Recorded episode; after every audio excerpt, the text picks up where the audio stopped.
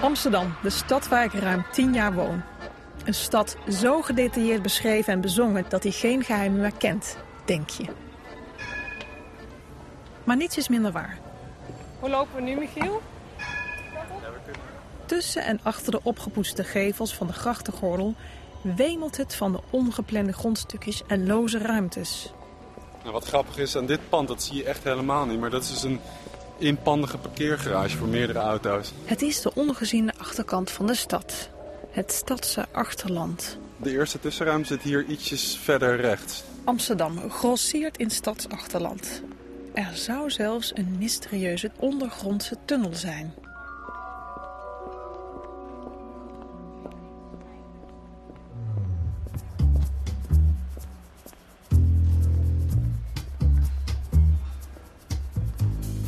Was voor mij wel een vondst, Amsterdam, toen ik hier kwam wonen, acht jaar geleden. Mag ik je voorstellen aan Michiel van Iersel? Ik ben urbanist, zoals dat heet. Ik ben heel erg actief op het gebied van steden, hoe steden zich ontwikkelen. Ik organiseer allerlei projecten in steden, openbare ruimte en ik schrijf erover. Met hem ga ik op zoek naar de verborgen plekken van onze hoofdstad. Geen idee wat we gaan tegenkomen. Maar hoe vind je die plekken eigenlijk? Nou ja, je begint gewoon met goede kaarten en Google natuurlijk tegenwoordig. Je kan inzoomen. En dan is het gewoon hard zoeken, want soms is het een steeg, maar is het zo dichtgebouwd dat die helemaal aan het zicht ontrokken is. Dus dan moet je echt goed letten op waar de daken ophouden. Dan opeens zie je een meter ertussen, wat dan weer dichtgemetseld is. En als je dan door een kier kijkt, zie je soms gewoon daarachter een hele wereld openen. En zo zijn we inderdaad gaan lopen en uh, op het zadel van onze fiets over uh, schuttingen heen gekeken en uh, aangebeld bij mensen die soms niet eens wisten dat er naast hun een steeg was. Laat staan dat ze wisten van wie die was of dat we erin zouden kunnen. Dus het is een soort mysterieuze soort ruimte waar heel weinig mensen van afweten. Terwijl ze vroeger echt onderdeel waren van het dagelijks leven. Want waren de verbindingsstegen tussen uh, de kanalen. Hoe lopen we nu, Michiel? We stoppen bij Herengracht nummer 129. Het zit hier... Uh... Al, ja, je ziet hem nu al. Het ene pand uh, leunt een beetje achterover. En daarnaast staat een heel strak, stoer wit gebouw. En uh, tussen die twee is onze eerste tussenruimte. je ziet een deur met, vol met graffiti. En daarboven is het soort afgezet met een rooster. En nu staan we er recht voor en kijk je dwars door die gebouwen heen en zie je de lucht in de verte. En zie je ook dat er uh, achter een van die gebouwen al een soort aanbouw is gemaakt, waardoor de steeg al is afgesloten. Dus het is een steegje van ongeveer 10 meter die doodloopt op een uh, uitbouw. En nou, hier hebben wij dus de sleutel van gekregen.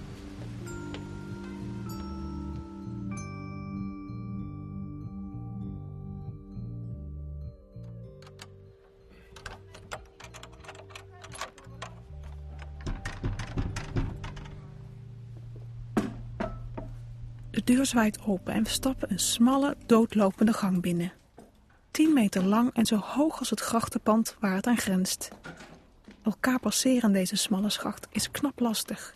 Het hele grappige is dat die muren, die dus al misschien een paar eeuwen helemaal blootgesteld zijn aan de elementen en noem maar op, dat die daardoor soort heel zacht zijn geworden. Ze zijn heel, je wil er aan zitten. Dus het heeft, het heeft echt een soort binnenwereldgevoel.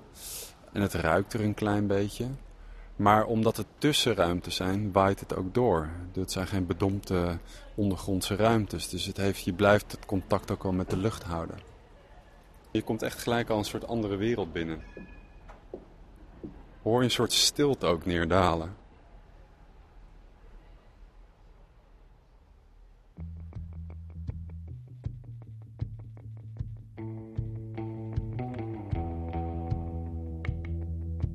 De kieren en gaten in het stadsplan ontstonden op het hoogtepunt van de Gouden Eeuw. Amsterdam dijde met een enorm tempo uit en de stad barstte letterlijk uit haar voegen. Dus er moest een mooie nieuwbouwwijk komen voor de rijken en dan daarnaast een wijk voor de arbeiders. Die nieuwbouwwijk, de grachtengordel, werd op papier eerst helemaal uitgetekend en daarna stuksgewijs opgeleverd. Dus je moet je voorstellen dat er niet een groot hek omheen stond en opeens was er een dag dat het lintje doorgeknipt werd en mensen gingen naar binnen.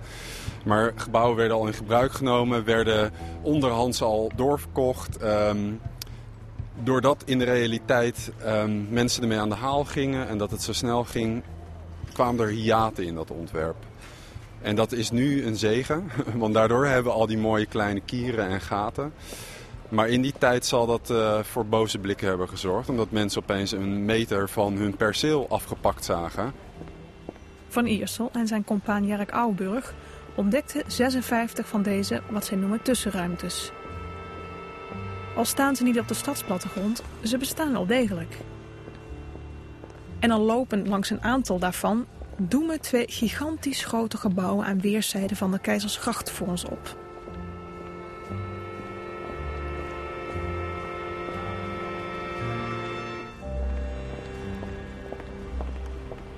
We lopen nu de Keizersgracht uh, af. Um, en we zien langzaam opdoemen twee gigantische gebouwen die allebei ooit uh, bezit waren van de ABN AMRO. Die hadden hier een hoofdkantoor. De Basel aan de ene kant, vernoemd naar de architect. Aan de andere kant Duintjer, ook vernoemd naar de architect, maar uit hele andere tijden. De ene is een groot bakstenen massief gebouw uit de jaren 20. En de andere een typisch naoorlogs modernistisch gebouw uh, uit de jaren 70 met veel wit en strakke lijnen. En uh, nou, daar zat die bank dan in. Die bank is de bank.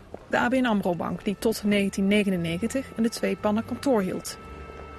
Het verhaal wil dat de bank een ondergrondse poentunnel onder de gracht liet graven om ongezien geld doorheen te sluizen. Anderen zeggen dat de bankdirecteuren hem gebruikten om ongezien van de parkeergarage in het ene pand naar de directiekamers in het andere pand te lopen. In hoeverre weet men dat die hier ligt, die tunnel? Nou, er wordt heel geheimzinnig over gedaan. Ben je daar al geweest? Ik ben er nog nooit geweest. Dit is echt zo'n urban myth, waar iedereen het over heeft. Omdat in de Basel de tunnel dichtgeplamuurd lijkt te zijn, wagen we de gok en kloppen aan bij de bouwopzichter van het Duintjepand dat op dit moment gerenoveerd wordt. Hallo, Hoi. Hi, van de VPRO ben ik. Goedemiddag. Mijn naam is Geert Boksen van Plezierbouw. Wat is uw functie hier bij Plezier? Mijn functie is uitvoerder. Dus u kunt ervoor zorgen dat we misschien binnenkomen? Dat uh, probeer ik wel, ja. Tenminste als ik de weg kan vinden. We hebben geluk. Na een telefoontje met zijn leidinggevende stemt Geert en mij in om ons naar de tunnel te brengen. Zo makkelijk kan het toch niet zijn? Dit is even zoeken hoor, sorry. Dat ik ben hier uh,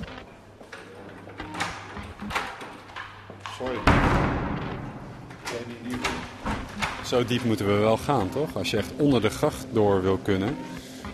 Zitten twee parkeerlagen onder dit gebouw. En nu staan we volgens mij nog op begane grond. Dus we moeten echt nog wel een metertje of tien zakken. Terwijl Geert ons voorgaat in een uitgestrekt en donker keldercomplex, lopen we door vele gangen, dalen nog meer trappen af en openen weet ik veel hoeveel deuren naar oude kantoorruimtes met bruine lambrisering en spiegelmuren. Gespannen luisteren naar Geert, die een aantal keer met collega's belt, waar we in godsnaam moeten zijn. Hij zit uit door uh, tegenleuk, bedoel je? Wat zegt u? Zo, komen we daar nou? Even lijkt hij het op te geven.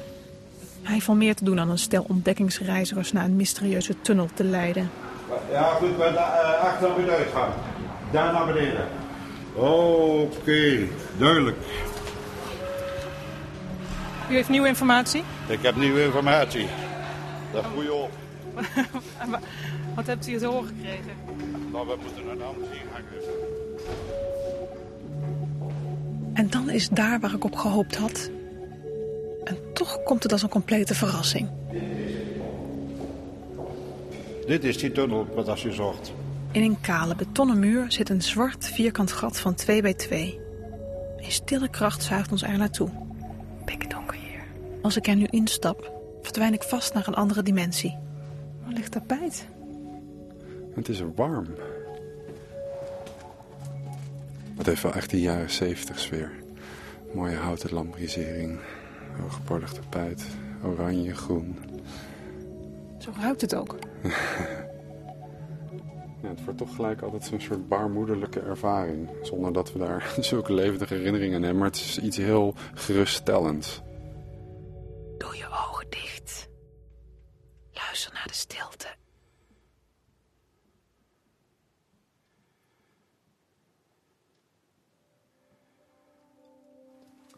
Ik zal even naar het einde lopen, want we zijn er nog niet. Trap op. We lopen naar de Basel. Dat was eh, het oude hoofdgebouw ehm, uit de jaren 20. Oh kijk, nog een trap. Nog een trapje, ja, we moeten een heel stuk stijgen. Waarschijnlijk kom je daar dan ook nog steeds wel in de kelder uit, maar we moeten nu een klein stukje klimmen. En